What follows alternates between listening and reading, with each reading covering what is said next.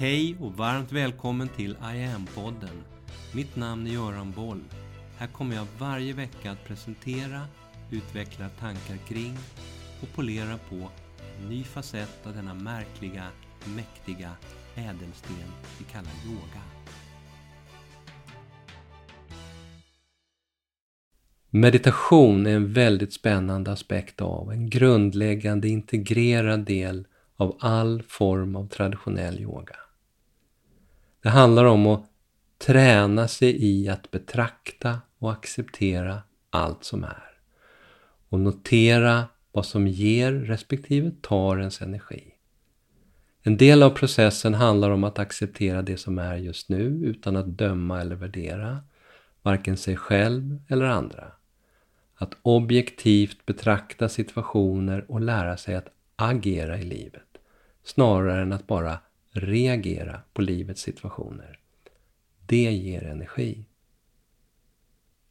Liv är ständig förändring och när du i ditt liv väljer det nya, det kanske lite svårare, sånt som kräver fokuserad närvaro av dig, så leder det i en positiv spiral till ökad medvetenhet.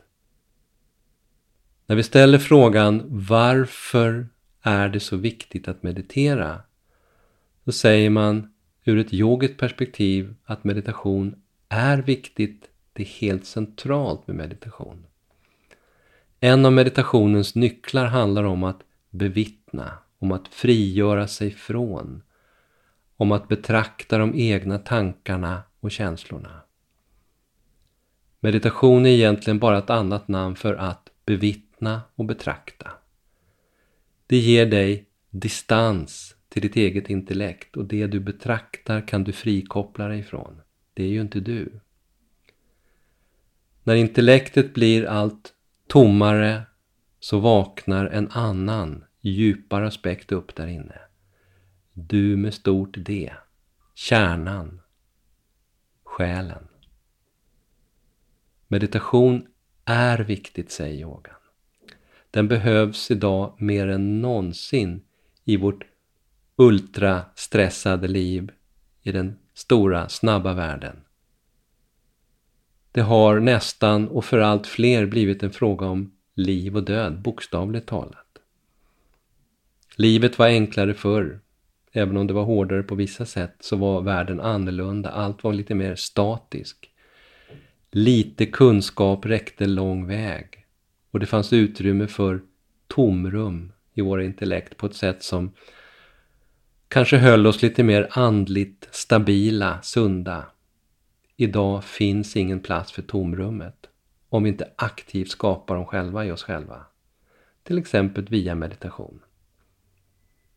Eller att pussa en liten kissekatt på magen. Enligt min katt Tao så är just det, det är kungsvägen in i djup meditation. I alla fall för honom, säger han. Världen förändras och den förändras snabbt. Forskarna kallar utvecklingen exponentiell. Vi tar in enorma mängder information. Vi har tillgång till all världens kunskap i mobilen några knapptryckningar bort. Och vi tar in världens alla händelser i realtid medan de händer. Och det kommer inte att bli enklare framåt. Tvärtom. Utmaningarna ökar på alla plan. Livet förändras allt snabbare och det krävs av oss att vi anpassar oss om och om igen. Lärande har blivit en livslång process. Hjärnan är på hela tiden. Vi har glömt bort hur man stänger av den. Hur man kör in i den där depån som jag pratat om i tidigare avsnitt. Prova själv att då och då under 60 sekunder i taget inte tänka, inte känna, bara vara tyst i huvudet. Det är svårt. För de allra flesta är det helt omöjligt. Meditation är en teknik som sätter dig tillbaka i förarsätet igen. Det finns mycket vetenskaplig forskning på meditation, tiotusentals studier som bekräftar meditationens roll som en av de allra mest kraftfulla metoderna för balans och medvetenhet som vi känner till idag. Det är ingen tillfällighet att globalt ledande företag som Google, Amazon och Facebook med flera låter medarbetare meditera på betald arbetstid. Det är stressreducerande för individen och lönsamt för företaget. Hur gör man då? Det finns precis som att det finns många olika yogaformer så finns det många olika sätt att meditera. Den tantriska traditionen till exempel innefattar många olika stigar upp för det där berget. Här några exempel på olika sätt som man kan meditera på. Andningsmeditation. Där du använder olika andningstekniker och håller full uppmärksamhet på din andning. Chakrameditation. Där du via koncentration och visualisering, mantra och andra tekniker strävar efter att påverka och balansera ditt chakrasystem, ett chakra i taget eller hela systemet på en gång. Fokusmeditation, där du använder ett specifikt fokus, till exempel att följa den egna pulsen, att bara sitta och lyssna och känna på den egna pulsen för att styra och stilla sinnet. Gångmeditation.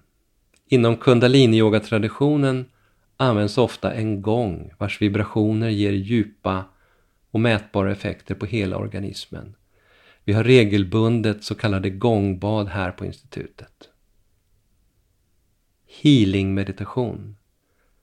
Där du med hjälp av andning, mantra och andra tekniker fokuserar på att läka och hela dig själv, men även andra.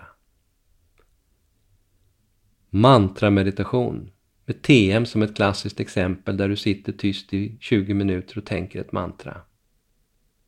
I den tantriska traditionen är principen om att hålla fokus och sjunga eller mentalt vibrera ett mantra helt central.